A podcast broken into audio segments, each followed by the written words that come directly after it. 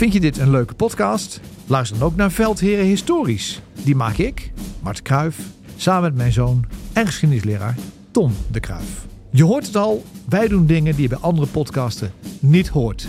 Oftewel, to boldly go where no one has been before.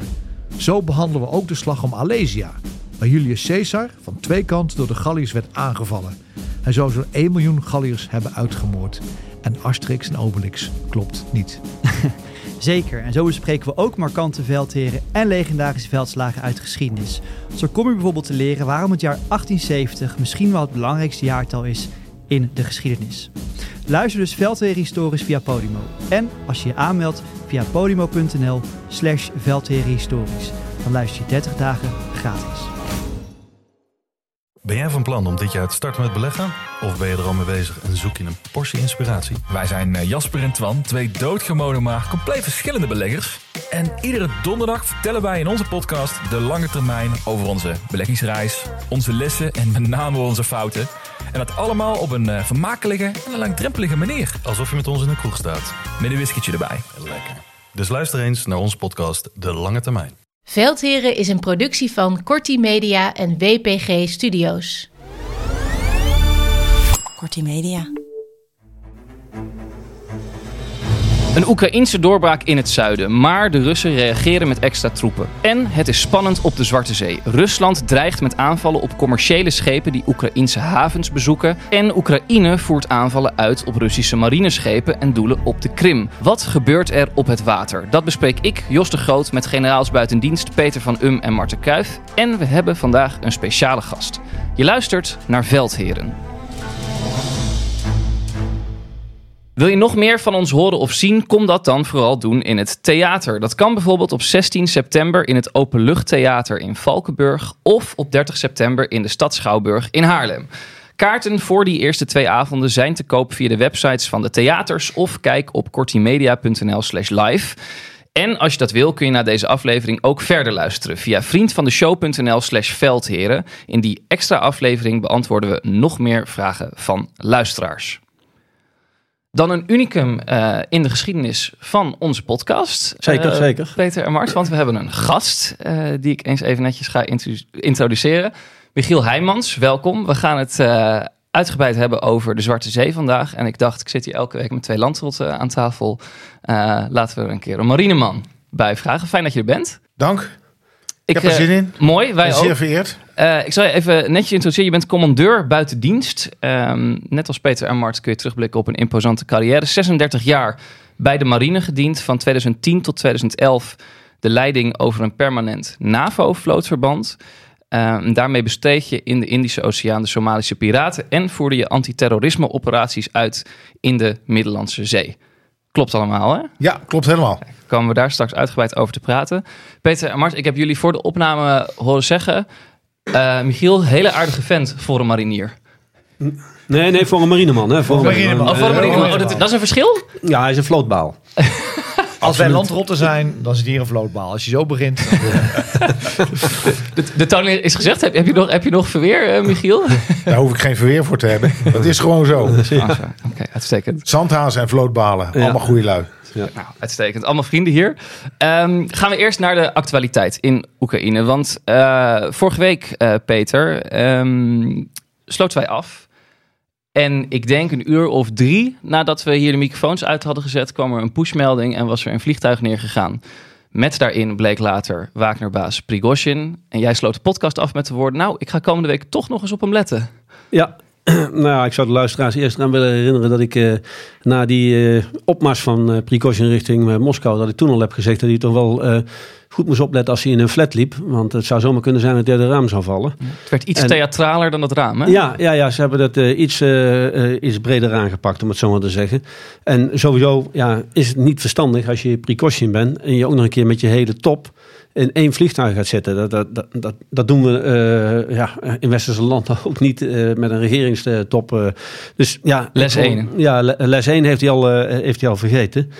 Maar ja, hier wordt nog eens een keer bewezen dat ja, wat meneer Poetin doet. Hè, hij is niet kieskurig bij het kiezen van zijn vrienden.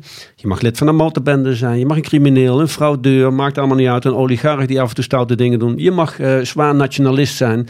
Uh, je kunt best een vriend van Poetin zijn. Maar er is één eis. Je bent loyaal aan hem. En als je die loyaliteit uiteindelijk schendt dan uh, ja, heeft de geschiedenis inmiddels wel geleerd. Dan betaal je daar uh, uh, duur voor. En mensen worden dan, zoals wij militairen zeggen, uit de voeding genomen. En ja, dan zie je dat onmiddellijk daarna uh, de propaganda in allerlei toonaarden begint. Uh, en allerlei scenario's worden dan neergelegd. Zodat het helemaal diffuus wordt, uh, warrig wordt van wie zou het gedaan kunnen hebben, wat is de oorzaak. Mm -hmm. En ja, ik, bij, bij wat er loskwam na deze actie, moest ik toch ook weer denken aan wat er allemaal loskwam na de MH17. je ziet dat ze dan gewoon ja, hun best doen om via allerlei kanalen de meest rare scenario's uit te brengen. Om uiteindelijk de feiten en de waarheden maar zo mistig mogelijk te maken. Maar uiteindelijk kun je wel zeggen dat er waarschijnlijk een plan is geweest. Uh, ja. ik, ik, heb wel eens eerder gezegd, shape the battlefield before you enter. Nou, dat heeft Poetin hier uh, perfect uitgevoerd. Uh, want toen precaution... Ik, ik denk ja. dat misschien nog de belangrijkste vraag is, want je zegt inderdaad, uh, de voorbereiding was getroffen. Ja. Maar waarom nu, als we er dus even van uitgaan dat dat vliegtuig inderdaad uit de lucht is gehaald door Poetin? Want helemaal zeker weten doen we dat natuurlijk niet. Nee, dat, dat, dat doen we niet, maar...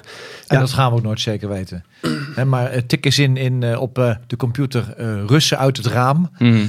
dan krijg je een aardige indicatie van wat daar gebeurt. Dat dit is hoe po Poetin met disloyale Wat opvallend is, is dat vandaag een mededeling kwam, is dat de producent van een vliegtuig, Embraer in Brazilië, nog niet is verzocht door de Russische regering om een onderzoek te starten naar het neerstorten van het vliegtuig. Dat is opvallend, want dat is een van de eerste dingen die er gaat gebeuren. Want je wil kunnen uitsluiten dat het een productiefout is.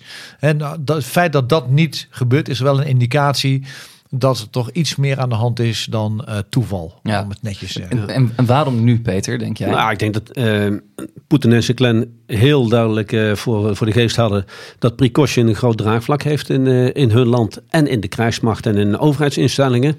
Dus die kun je niet zomaar aan de kant schuiven. En na die opmars uh, waren er al gelijk signalen dat de uh, Russische functionarissen naar de Afrikaanse landen toe gingen, opeens wel. En daar spraken met alle counterparts van, uh, van, van Wagner. Uh, dus ja, die waren toen al bezig om te kijken van wat is hier aan de hand en hoe kunnen we dat invullen. Recentelijk, nu deze dagen, hebben we te horen gekregen dat het wederom gebeurd is.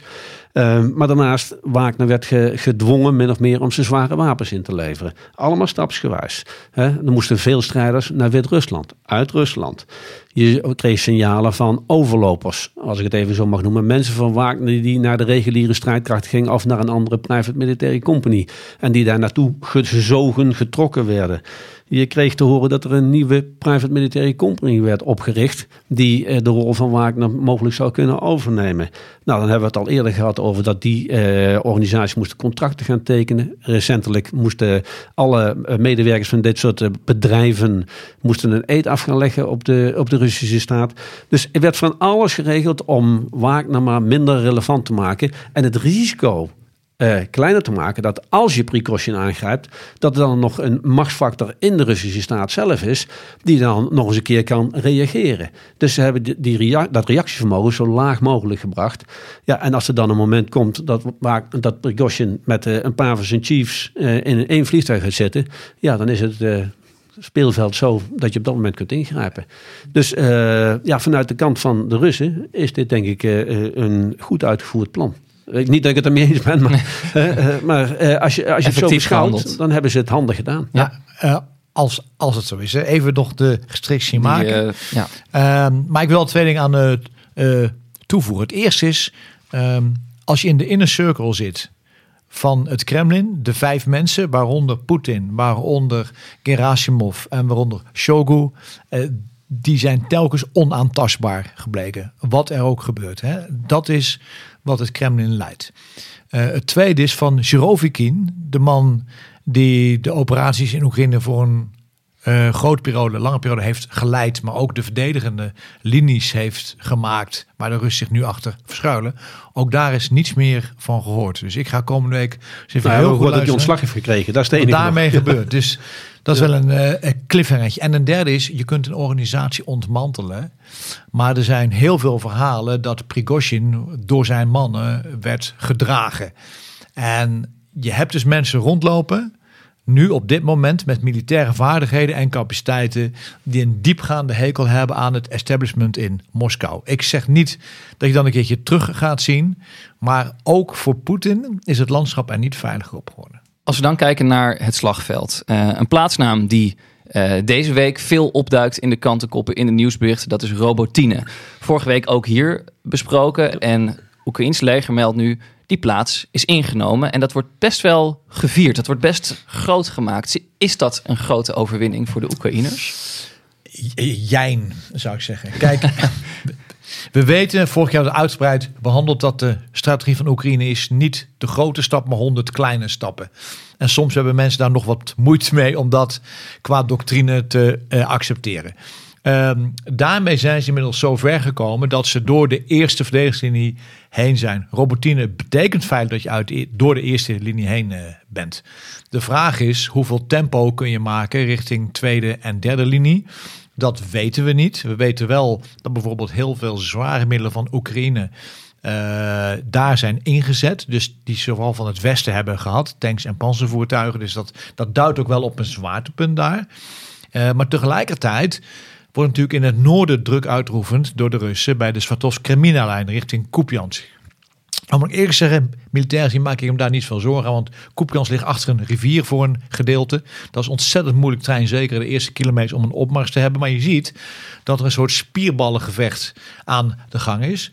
Wie kan het meeste uh, voortgang uh, krijgen op welk terrein. Nou, je ziet dat de Russen nu moeten reageren op wat er gebeurt bij uh, Robotine, want die halen reserves uit de omgeving van Gerson weg en zetten ze daarin. Dus ze reageren op wat Oekraïne doet.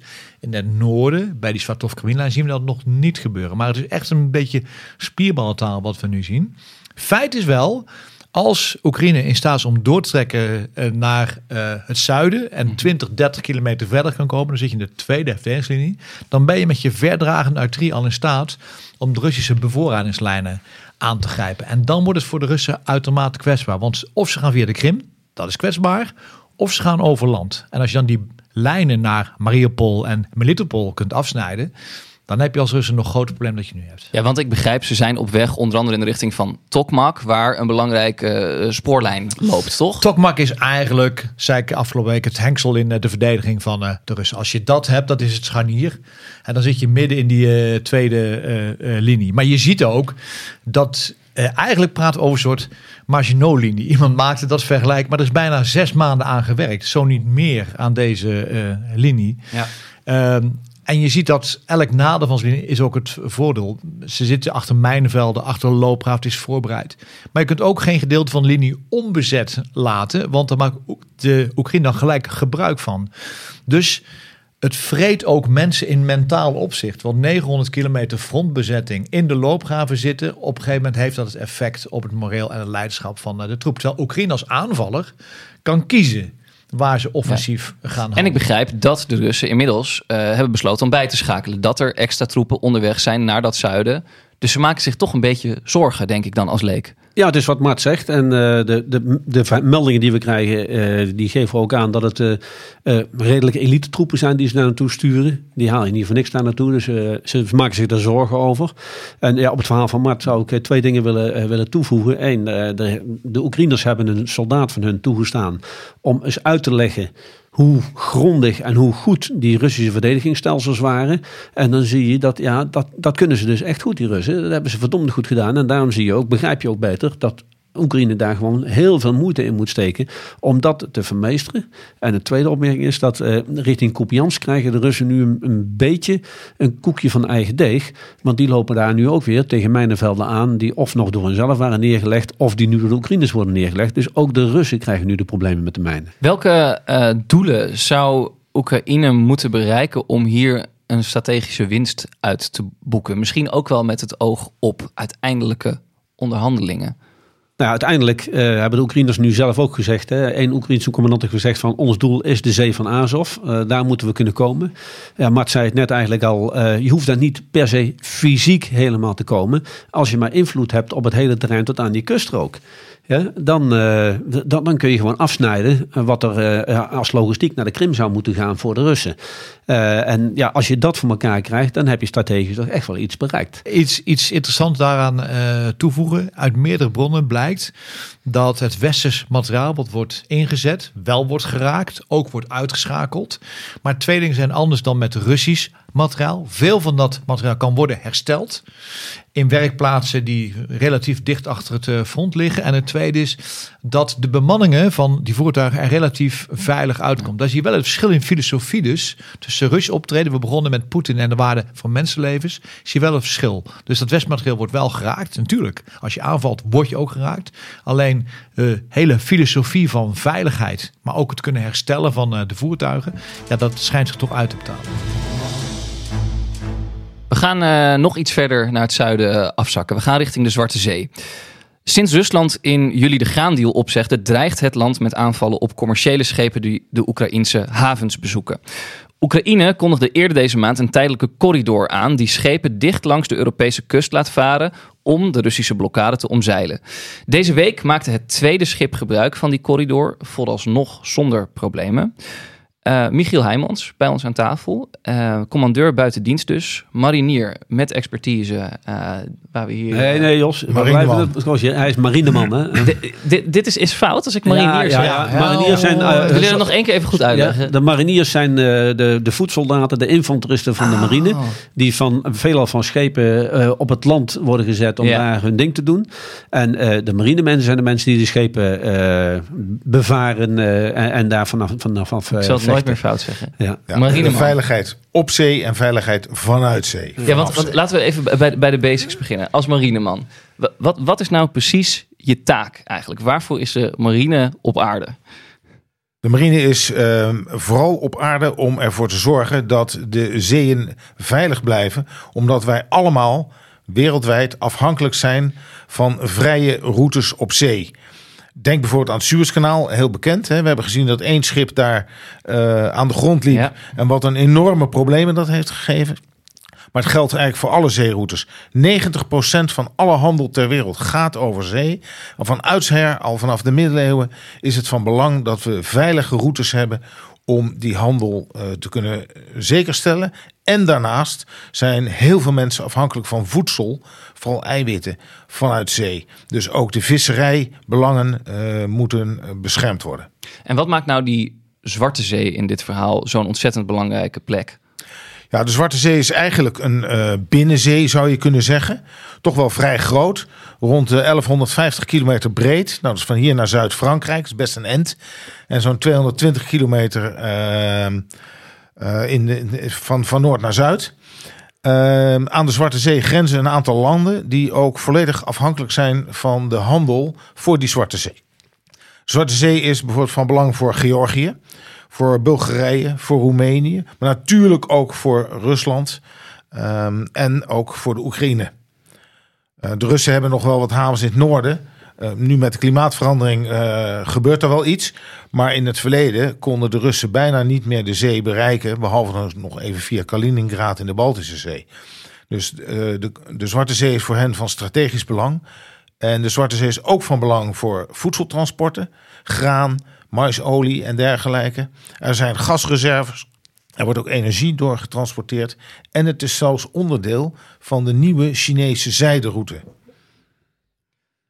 Wat, wa- waarom is de situatie op dit moment zo spannend? Ik, ik zei het net zelf in mijn woorden heel kort, maar jij als marineman, ehm, wat gebeurt daar? Nou, we zien bijvoorbeeld dat ehm, de eh, handelstransporten, en ik denk met name aan het graan, maar ook aan andere bevoorradingen, dat die door de huidige oorlog tussen de Oekraïne en Rusland behoorlijk eh, een slop zijn geraakt. En we zien ook dat ehm, de Oekraïne eh, vrijwel geen marine meer heeft. Het is natuurlijk, wil je een eh, veiligheid op zee kunnen creëren, heb je een marine Hoe nodig. komt dat? De Russen hebben in 2014 al het grootste deel van de Oekraïnse marine of overgenomen of vernietigd. En het laatste stukje van de marine is eigenlijk in het huidige conflict. eh, 2014 is de annexatie van de Krim. hè, Annexatie van de. Krim, ja, is in het huidige conflict eigenlijk ehm, gebeurd. En het laatste grotere schip van de Oekraïnse marine, een fregat, hebben ze zelf uiteindelijk in Odessa tot zinken gebracht om te voorkomen dat de Russen het te pakken zouden krijgen. Dus als je nu kijkt naar wat, de, wat de Oekraïne ja. nog heeft. Ze hebben op de rivier een aantal patrouilleboten, een stuk of twaalf. Moet u denken aan een 10, 11 meter lang. Met machinegeweren, granaatwerpers erop. Die hebben ze van de Amerikanen gekregen. En ze hebben natuurlijk nog wel wat andere kleine bootjes. Waarmee ze onder andere al een aanval heel gedurfd op de Krim hebben gedaan. Om daar ook een raketinstallatie uit te schakelen. Eh, en dat was natuurlijk ook een psychologische slag voor de Russen. Dat daar ineens toch Oekraïners kans zagen om ongemerkt daar een voet aan wal te zetten. Ja, want Ja, wat en- was en het dat is precies rec- voor Dat is aanval? recent gebeurd. Dat is eh, heel recent gebeurd. Ja, 23 augustus. Ja. Wat was het precies voor aanval? Ik wil daar graag even bij stilstaan. Dit is een- echt een speciale operatie Ja, geweest. eh, Het door, zijn eh, speciale eenheden geweest, special forces. En dan eh, in dit geval maritieme special forces. Eh, Nederland heeft die overigens ook. Marsov, de Maritime Special Forces. En die hebben daar voet aan land gezet. Die hebben een raketinstallatie ongadelijk gemaakt. Een kustverdedigingssysteem aangepakt. Dat hebben ze met kleine, snelle bootjes gedaan. eh, waar eh, een beperkt aantal mensen op eh, kunnen zitten. Maar ze hebben het wel gefixt. Ja, Weet je wat en ik nou niet snap, Michiel? Ik, dat snap ik echt niet. Je had dat, de vlaggenschip, die Moskva, die is gezonken. Ze hebben een haven aangevallen waar een landingsschip is gezonken. Nu gebeurt dit weer. Het lijkt erop alsof Oekraïne elke zwakke plek in de verdediging, of waar Russen niet attent zijn, of ze die uitbuiten, is er bij de Russen marine een soort sfeer van wij zijn groot, ons kan niks overkomen. Mij valt het wel op hoor. Nou, dat is zeker in het begin het geval geweest. Ik denk dat ze nu wel heel erg geschrokken zijn en getriggerd zijn. Ook door de aanvallen op de bruggen. Je ziet dat de Russen proberen nu barrières daaromheen te leggen. Zodat die zeedrones eh, die bruggen in ieder geval niet meer kunnen bereiken. En ook de schepen die binnen liggen in Sebastopol niet meer kunnen bereiken. Maar hetgeen wat daar vaart, daar kun je geen drijvende barrière omheen leggen. Dus ze moeten ontzettend op een kivive zijn. Ook al omdat die zeedrones hele grote afstanden kunnen afleggen. Tot wel 800 kilometer ver. Met een grote explosieve lading. Denk aan zo'n 300, 400 kilo. Maar ik, ik zie het meer als een compliment aan, eh, aan de Oekraïners. Ja, zeker. Die, eh, laat ik maar zeggen, eh, de mazen in het net weten te vinden. En toch iedere keer weer uitzoeken waar ze de Russen echt pijn kunnen doen. Niet alleen fysiek met effecten, maar ook wat Michiel al aangeeft, psychisch. En dat is. aanvankelijk in het begin van de oorlog, Michiel corrigeer me als ik het fout heb, maar kwamen de Russen met hun schepen dicht bij de Zuid-Oekraïnse kust. Ja, eh, en dreigden zelfs met landingsschepen dat ze een landing zouden doen. Ehm, die, dat hebben ze niet meer gedaan sinds die, ze die Moskou hebben uitgeschakeld. En eh, blijven de Russische schepen veel verder weg. En dan gaan de Oekraïners toch kijken van... oké, hoe kunnen we bij die schepen komen die verder weg zijn? En dan hebben ze zelf dus uiteindelijk eh, eh, maritieme drones gefabriceerd... waar ze dan dit soort aanvallen mee doen. En dan denk je, nou, dat is knap. En dan weten ze toch nog weer iets anders te vinden... door dan op de meest westelijke punt van de Krim... om daar die, die landingsoperatie te doen. En eh, ze hebben, nou ik heb begrepen, ook twee hele grote radars uitgeschakeld. En dat is wel eh, van enorm belang. Want eh, voor zover ik heb kunnen nagaan... die radars die dekten gewoon het luchtruim af... van het zuidelijke deel van Oekraïne... en een groot deel van de Zwarte Zee. Ja, waardoor je de Russen dus behoorlijk pijn doet. Maar misschien kijk jij er anders naar, Michiel. Nee, het heeft Russen absoluut pijn gedaan. Het is niet dat ze daar niets meer hebben. Ze hebben nog veel meer installaties op de Krim. Maar ze ehm, zijn zeker nu aan het denken gezet. En ik verwacht ook dat we nog wel meer van dit soort aanvallen zullen zien. Ook met drones vanuit de lucht, maar ook met drones vanuit zee. En wat nog niet genoemd is, maar wat een heel gevaarlijk wapen is, dat zijn de zeemijnen. Zowel de Russen als de Oekraïners beschikken over zeemijnen. En die zijn niet alleen van gevaar voor eh, marineschepen, maar zeker ook voor koopvaardijschepen. Hoe ziet een zeemijn eruit? Je hebt een aantal soorten zeemijnen. De meer eh, ouderwetse, die iedereen wel kent, is zo'n drijvende bol met van die stekels. Eh, Ja, als je daar opvaart, dan explodeert die. Ja. Maar er zijn hele slimme zeemijnen tegenwoordig. Die op de bodem van de zee gaan liggen, neergelegd worden. En die hele goede eh, eh, microfoons hebben, als het ware. Hydrofoons heet het onder water. En die luisteren naar wat er voorbij vaart. En die kunnen zelfs zeggen van nou, ik zie nu dat er uh, uh, mijne bestrijdingsvaartuigen voorbij komen. Dat zijn er drie. Daarna komen de koopvaardijschepen. Die hebben een heel ander geluid. Veel zwaardere machines, grotere schroef. En nu laat ik mezelf los van de zeebodem. En word ik al dan niet actief naar dat schip gestuurd en ontplof ik. Want ik zou zeggen, zo'n bol met stekels. Ja, die, die, die, ik neem aan dat die schepen toch ook weer zo slim zijn dat ze die misschien zien liggen. Of, of is dat niet zo? Uh, overdag zou dat kunnen. Maar dan nog in een wat ruwere zee moet je hele goede uitkijk houden. Maar s'nachts zie je die absoluut niet liggen. En ze hebben nauwelijks uh, wat we noemen een radarreflecterend oppervlak. Okay. Dus ze zijn ook op de radars nauwelijks te zien. Ja. Maar Michiel raakt daar aan de, uh, toch wel de complexiteit van het, uh, het vechten van een marine op het water. Want ehm, op het water, als je op het water bent, je kunt je niet verstoppen. Het water is overal even hoog. Uh, Jullie hebben de pionierschop, je, je graaft een kuil. En je wij graven een kuil, ja. ja. Nou, je kunt nog met een onderzeeboot, uh, kun je natuurlijk onder het water. Je kunt mijnen in en onder het water leggen. En dan heb je nog het luchtruim boven je.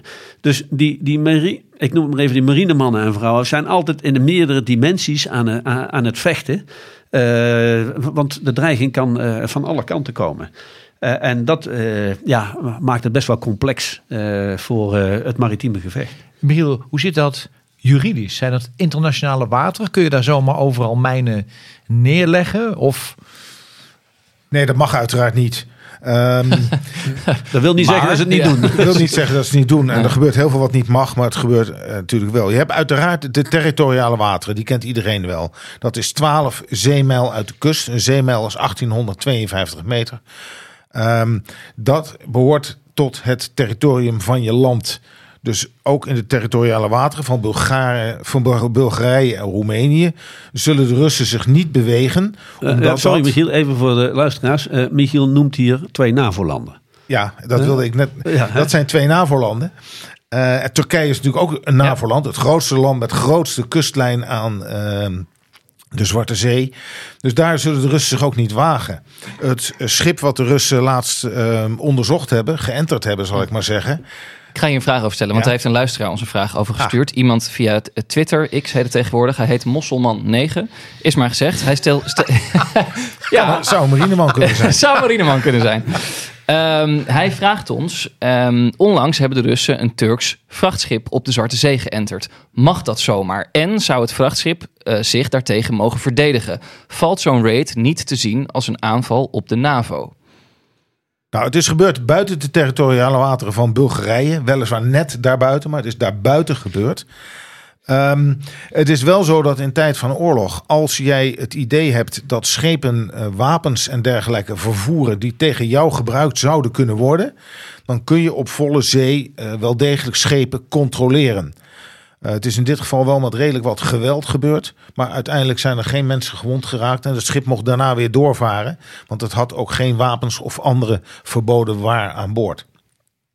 Ik, ik wist dus, dus niet dat dat schip uh, onder Turkse vlag voer. Als, dat is, ja. maakt het wel extra pregnant. Ja. Of, uh, maar dat, dat beschouwen we dan dus niet als een aanval op, op het, de NAVO? Het was een koopvaardijschip, geen marineschip. Mm -hmm. um, dus het wordt zeker niet beschouwd als een aanval op de NAVO. Bijvoorbeeld zoals in artikel 5. Een aanval op één is een aanval op alle. een van uh, daar gezegd, de kernwaarden van de NAVO. Wie, wie mogen er eigenlijk varen op de Zwarte Zee? In principe uh, is iedereen vrij om daar te varen. Behalve... Uh, het verdrag van Montreux uh, is een verdrag dat is afgesloten in 1936. Dat was vooral bedoeld destijds om uh, het Italiaanse fascisme tegen te gaan. Men was bang dat de Italianen hun invloed zouden uitbreiden in de Zwarte Zee. En er is toen na lang onderhandelen een verdrag gesloten tussen uh, Turkije, het Verenigd Koninkrijk, Japan, gek genoeg. Uh, Frankrijk. Ligt toch een uh, eindje uit de buurt, zou ik zeggen, ja, zou ik denken. Maar. En, en nog een paar landen, maar ja. bijvoorbeeld um, Italië en de Verenigde Staten zijn daar niet bij betrokken geweest. En in dat verdrag is bepaald dat er maar een beperkt aantal schepen tegelijkertijd de Zwarte Zee binnen mogen van uh, landen die daar niet origineel thuis horen. Er zijn maximaal negen schepen. Er is ook bepaald dat hele grote oorlogsschepen, marineschepen, zoals vliegdekschepen, carriers, uh, mogen daar niet naar binnen. Überhaupt niet. Er is ook bepaald dat alleen de schepen die hun thuishaven in de Zwarte Zee hebben naar binnen mogen. En vrij recent, aan het begin van de oorlog, op 28 februari, hebben de Turken op grond van artikel 19 en 21 uit dat verdrag. Dat wil zeggen, als er een dreiging is of een oorlog is, dan mag je schepen de toegang ontzeggen.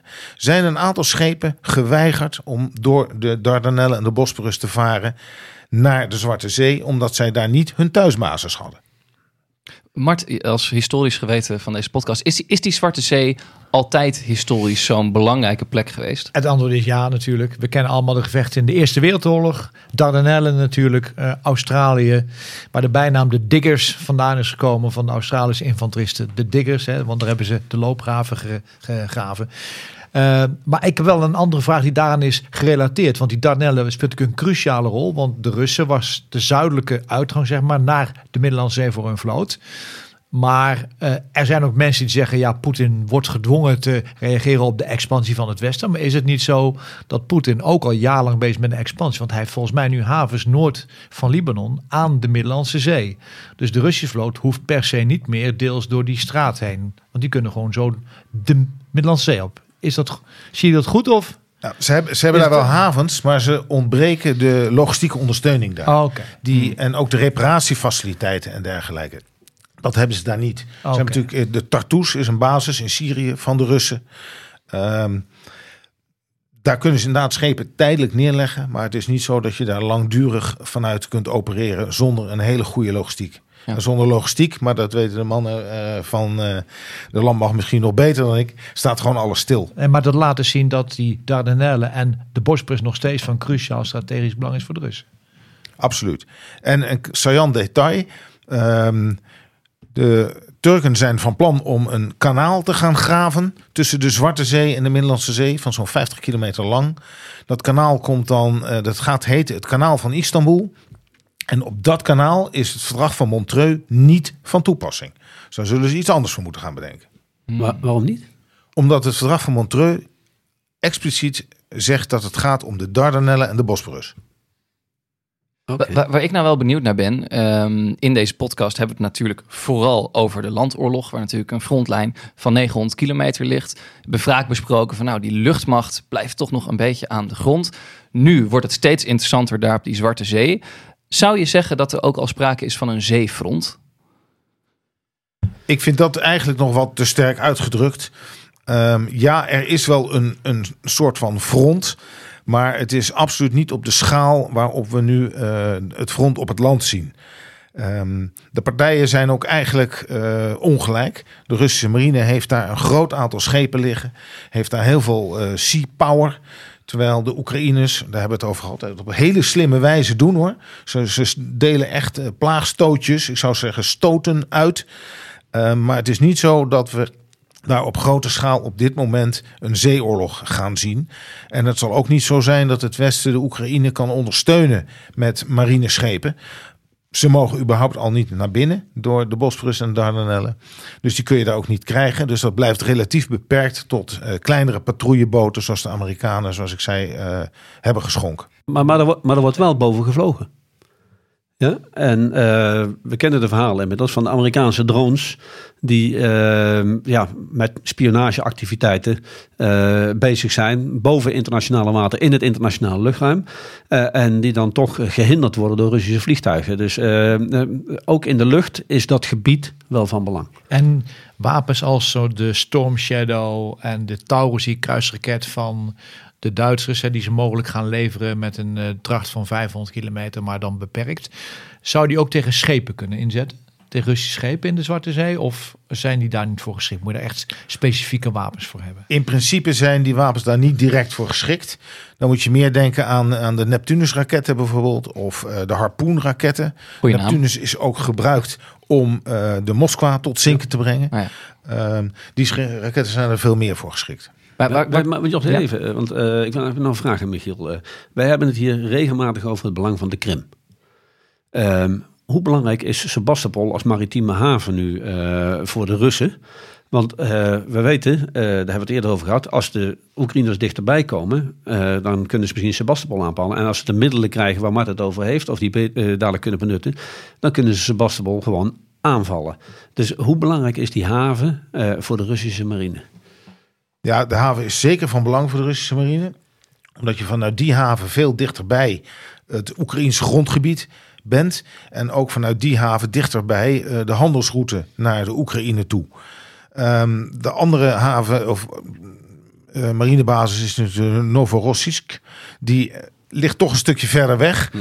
En ehm, daar zijn overigens ook wel de- aanvallen de, geweest. luisteraars kunnen niet op de kaart meekijken die we hebben. Misschien kun je dat even duiden waar Ja, die dat ligt. ligt ehm, aan het eh, oosten, aan de oostelijke kant, noordoostelijke kant van de Zwarte Zee. ehm, vlakbij de Zee van Azov. En de Zee van Azov heet wel de Zee van Azov. Maar dat is eigenlijk een binnenmeer met een diepte van ongeveer 14 meter. Daar kun je niet zo heel veel. Dus die zee ehm, is minder strategisch van belang dan de Zwarte Zee. Wat ik toch wel heel interessant vind, want we constateren hier de Oekraïense marine is ongelooflijk uitgekleed. En tegelijkertijd eh, bespreken we net hoe ontzettend effectief ze kunnen zijn met kleinere operaties. Zou je dan niet ook kunnen zeggen van, nou ja, die, die enorme marinemacht, het is ook wel een beetje aan het verschuiven richting voordeel van de Oekraïners? Of is dat veel te stellig? Ja.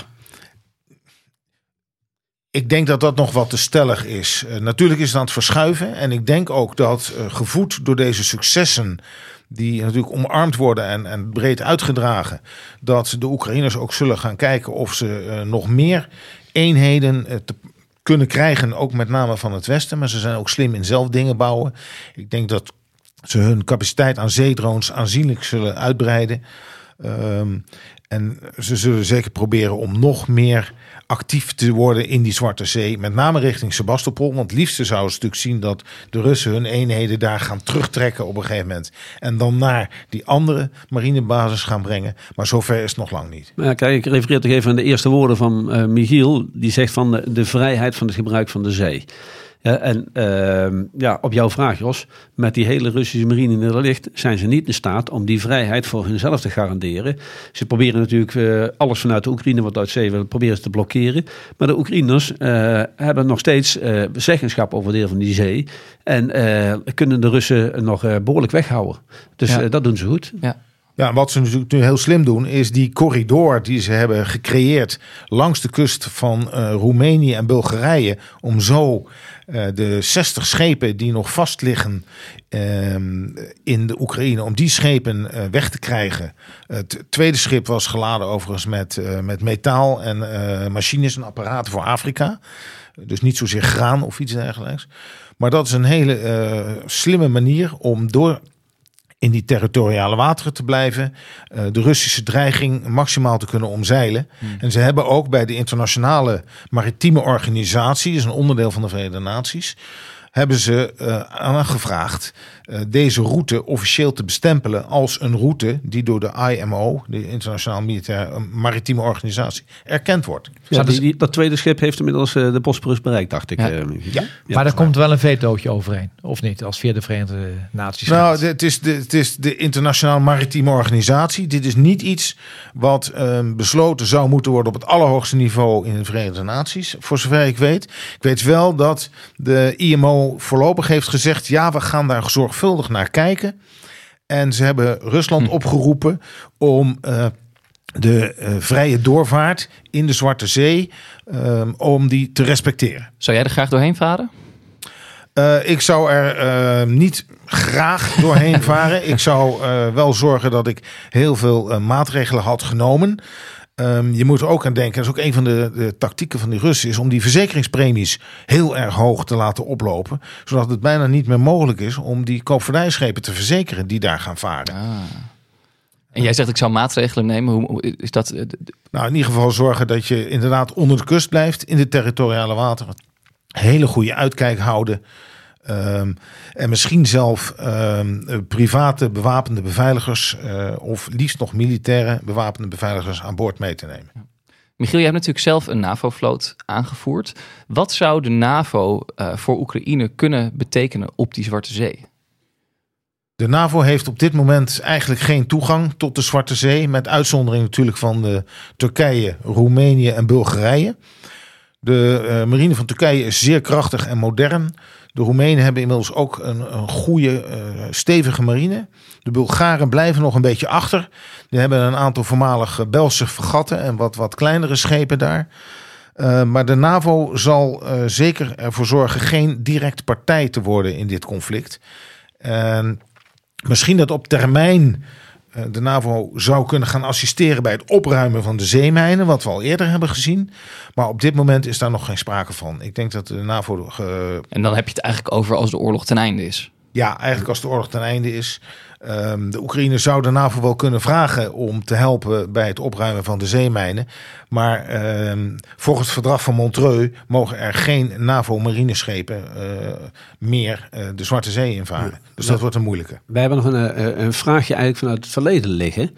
Uh, toen werd er gevraagd van, kun je nou alles zien wat door de Bosporus heen gaat? En met name als de onderzeeërs door de Bosporus heen gaan. Mm -hmm. Kunnen de Turken uh, uh, met een zeer kleine vaalkans zeggen van, hier gaat er een, en dat is die soort. of kunnen ze dat niet? De Turken kunnen volledig zien wat er door de Bosporus vaart. Ook onder water? Ook onder, het Bosporus is niet zo heel diep. Darnellen ook niet heel extreem diep. Maar daar, uh, naar mijn beste we hebben de Turken daar ongetwijfeld onderwatermicrofoons en dergelijke liggen. En uh, gaat er geen schip voorbij zonder dat zij het weten.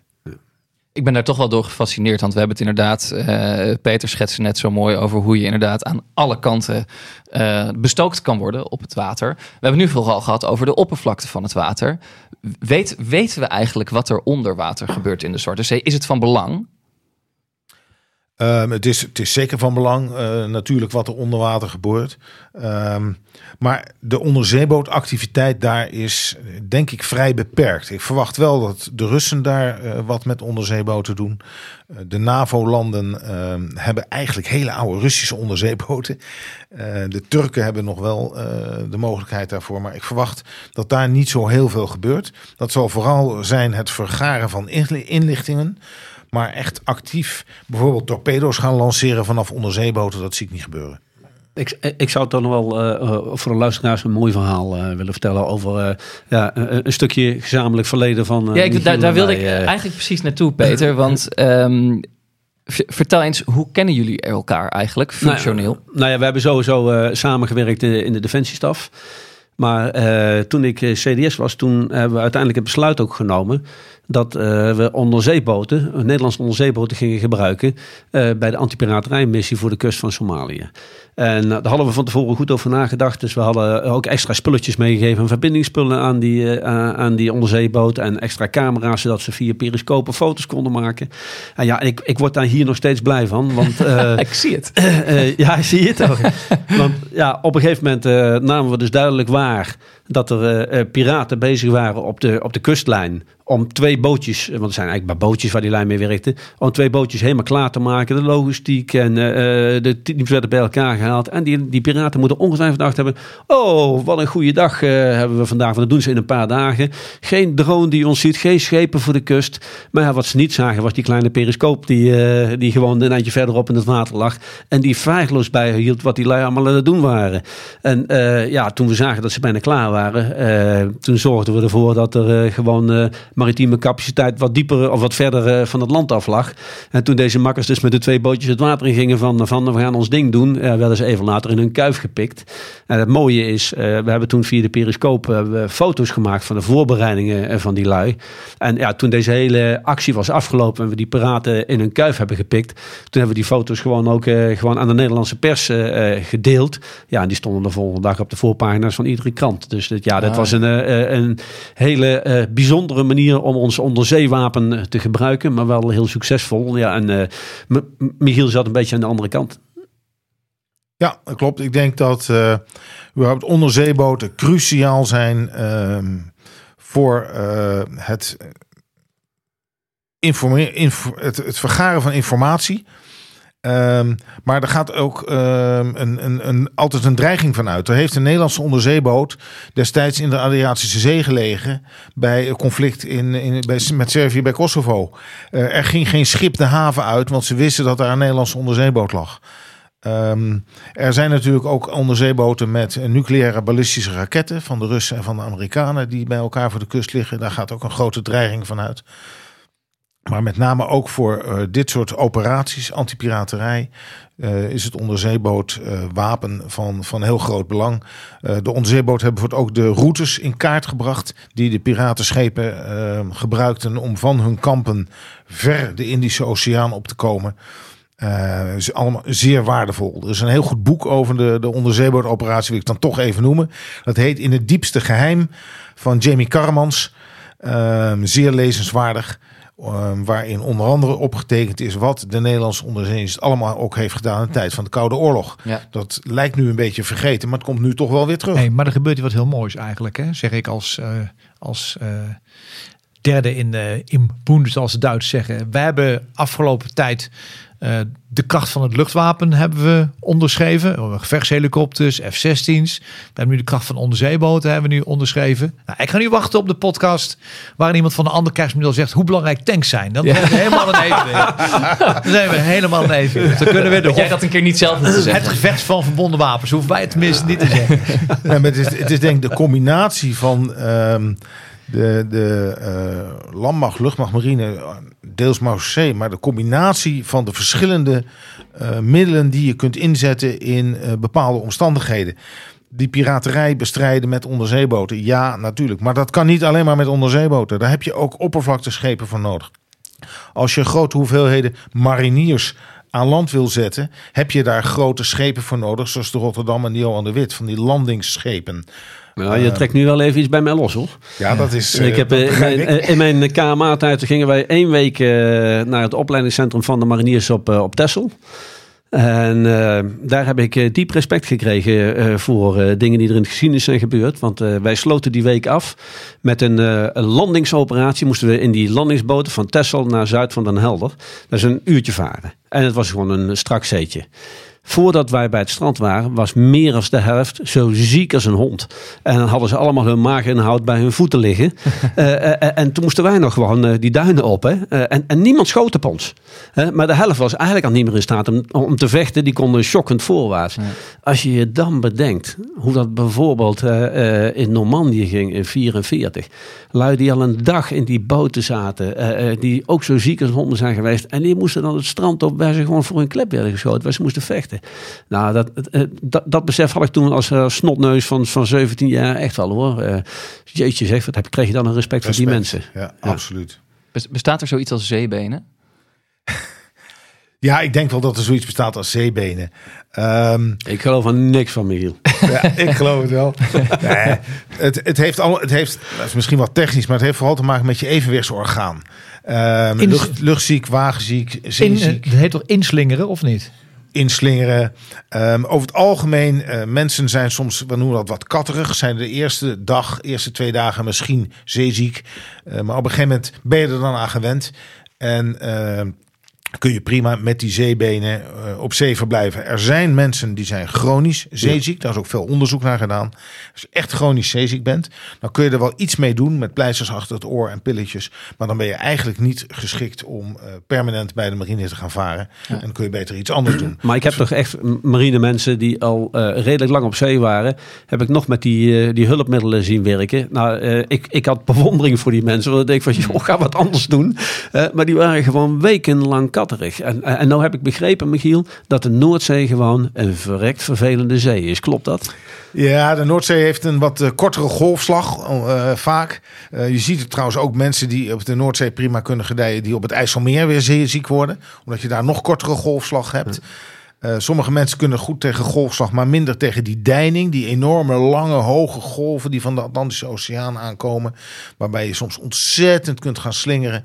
Het is, het is voor iedereen weer een beetje anders. Maar over het algemeen... ehm, ja, ik heb niet zo'n best evenwichtsorgaan. Ik vlieg, viel vroeger van de evenwichtsbalk af. Ik kan moeilijk op één been staan. Maar ik kan me uitstekend eh, ophouden aan boord van een marineschip. En dat geldt eigenlijk wel voor de meeste mensen. We gaan afronden en dat doen wij altijd met een eh, blik vooruit. Waar gaan we de komende periode op letten? Michiel, als ik die vraag aan jou stel, wa- wa- wat is spe- specifiek met jouw marineoog waar je naar kijkt? Waar ik eh, op ga letten is natuurlijk allereerst wat de Oekraïners nog gaan doen in die Zwarte Zee. Met name richting eh, de Krim en richting Russische marineschepen die daar varen. Al blijven ze vrij ver uit de kust. Ehm, En ik ga ook met name kijken hoe de Russen zullen proberen om deze dreiging verder eh, te, te mitigeren, met een mooi woord. eh, deze dreiging verder tegen te gaan. Maar ik denk dat ze daar heel veel moeite mee zullen hebben. En als we naar het land kijken, of misschien gaan jullie ook nog wel verder specifiek op eh, de Zwarte Zee letten. Ehm, nou ja, als er dit soort eh, acties als laatst op die westpunt van de Krim komen, dan zal ik dat zeker volgen. Ehm, maar ja, eh, de vraag is natuurlijk hoe gaat het verder eh, in en om Robotinie? Eh, maar ik ben ook wel benieuwd hoe het verder gaat met de Wagner-organisatie. Want die is nog niet volledig uit beeld. Pas op wat je zegt, hè? want voordat je weet, valt er over drie uur weer een vliegtuig uit de lucht. En dan, Ja, ja, ja. zitten we weer. Mart? Ik heb geen specifieke informatie. eh, België. heel goed. Nee, maar los van robotine ga ik vooral kijken. Want kunnen indicaties krijgen hoe het moreel is aan beide zijden van de frontlijn. We weten dat Rus niet kunnen roleren. We weten dat Poetin er alles doet om geen tweede mobilisatiegolf af te kondigen. Dus hij werft mensen met grote bedragen, grote lonen, grote inkomsten. Eh, de vraag is of het allemaal helpt. Eh, het feit dat Russen niet kunnen roleren of nauwelijks kunnen roleren omdat ze hele frontlijn bezet moeten kunnen houden. En Oekraïne kan het voor een gedeelte wel. Het zou best kunnen zijn de komende weken dat ook ziet dat die mentale component in oorlogsvoering best een cruciale rol gaat spelen. Even los van alle hindernissen en fysieke ongemak wat er allemaal is. En, Ja, we eh, zien nu dat die, die eenheid bij Gerson, die Russische eenheid, eh, die dus eh, op social media klagen. Ja. En dat daar door de leiding behoorlijk op wordt ingegrepen. Want die willen dat, ja, laat ik maar zeggen, gezonde mieter op de social media gewoon niet hebben. de cirkel rond te maken. We begonnen met Prigozhin. Dat was natuurlijk degene die openlijk zei: wij doen een aantal dingen fundamenteel fout in de Russische krijgsmacht. Fundamenteel fout. Leiderschap, moreel, vakmanschap, coördinatie, afstemming. Ja, als dat zo blijft, eh, dan eh, holt dat zo'n krijgsmacht wel van binnenuit. En op een gegeven moment komt er een barst. En dan kan het best wel snel gaan. We blijven het volgen en we praten volgende week verder. Michiel Heijmans, heel veel dank voor je komst en voor je het delen van jouw eh, expertise. Ik heb veel geleerd, onder andere het verschil tussen een marinier en een marineman. Die fout ga ik nooit meer maken. nooit. Hopelijk, hopelijk wordt het mij vergeven. vergeven. Tuurlijk. Ehm, dank voor je komst, nogmaals. Ehm, je luisterde naar Veldheren. Mijn naam is Jos de Groot. Ik maak deze podcast met Peter van Um, Marten Kuif en vandaag dus Michiel Heijmans. Ehm, wil je een vraag stellen aan een van de Veldheren? Stuur die dan in naar veldheren.kortimedia.nl of doe dat via X, Twitter eh, of Instagram. Eh, wij ontvingen naar aanleiding van onze aflevering van vorige week ongelooflijk veel vragen en theorieën over het ruimen van landmijnen. Daar gaan we volgende week uitgebreid op door in onze aflevering van Veldheren Extra. Vandaag praten we in Veldheren Extra verder met Michiel en beantwoorden we dus nog meer vragen van luisteraars, ook met betrekking tot het water. Bijvoorbeeld van iemand die Zolderkamer 77 heet. Jawel. Hij wil graag weten wat de NAVO doet als Rusland graanschepen zou aanvallen terwijl ze varen in territoriale wateren van de NAVO-landen. Ben benieuwd wat Peter, Mart en Michiel daarover te zeggen hebben? Luister dan verder via vriendvandeshow.nl slash veldheren. Hopelijk zien we je daar. En sowieso tot volgende week.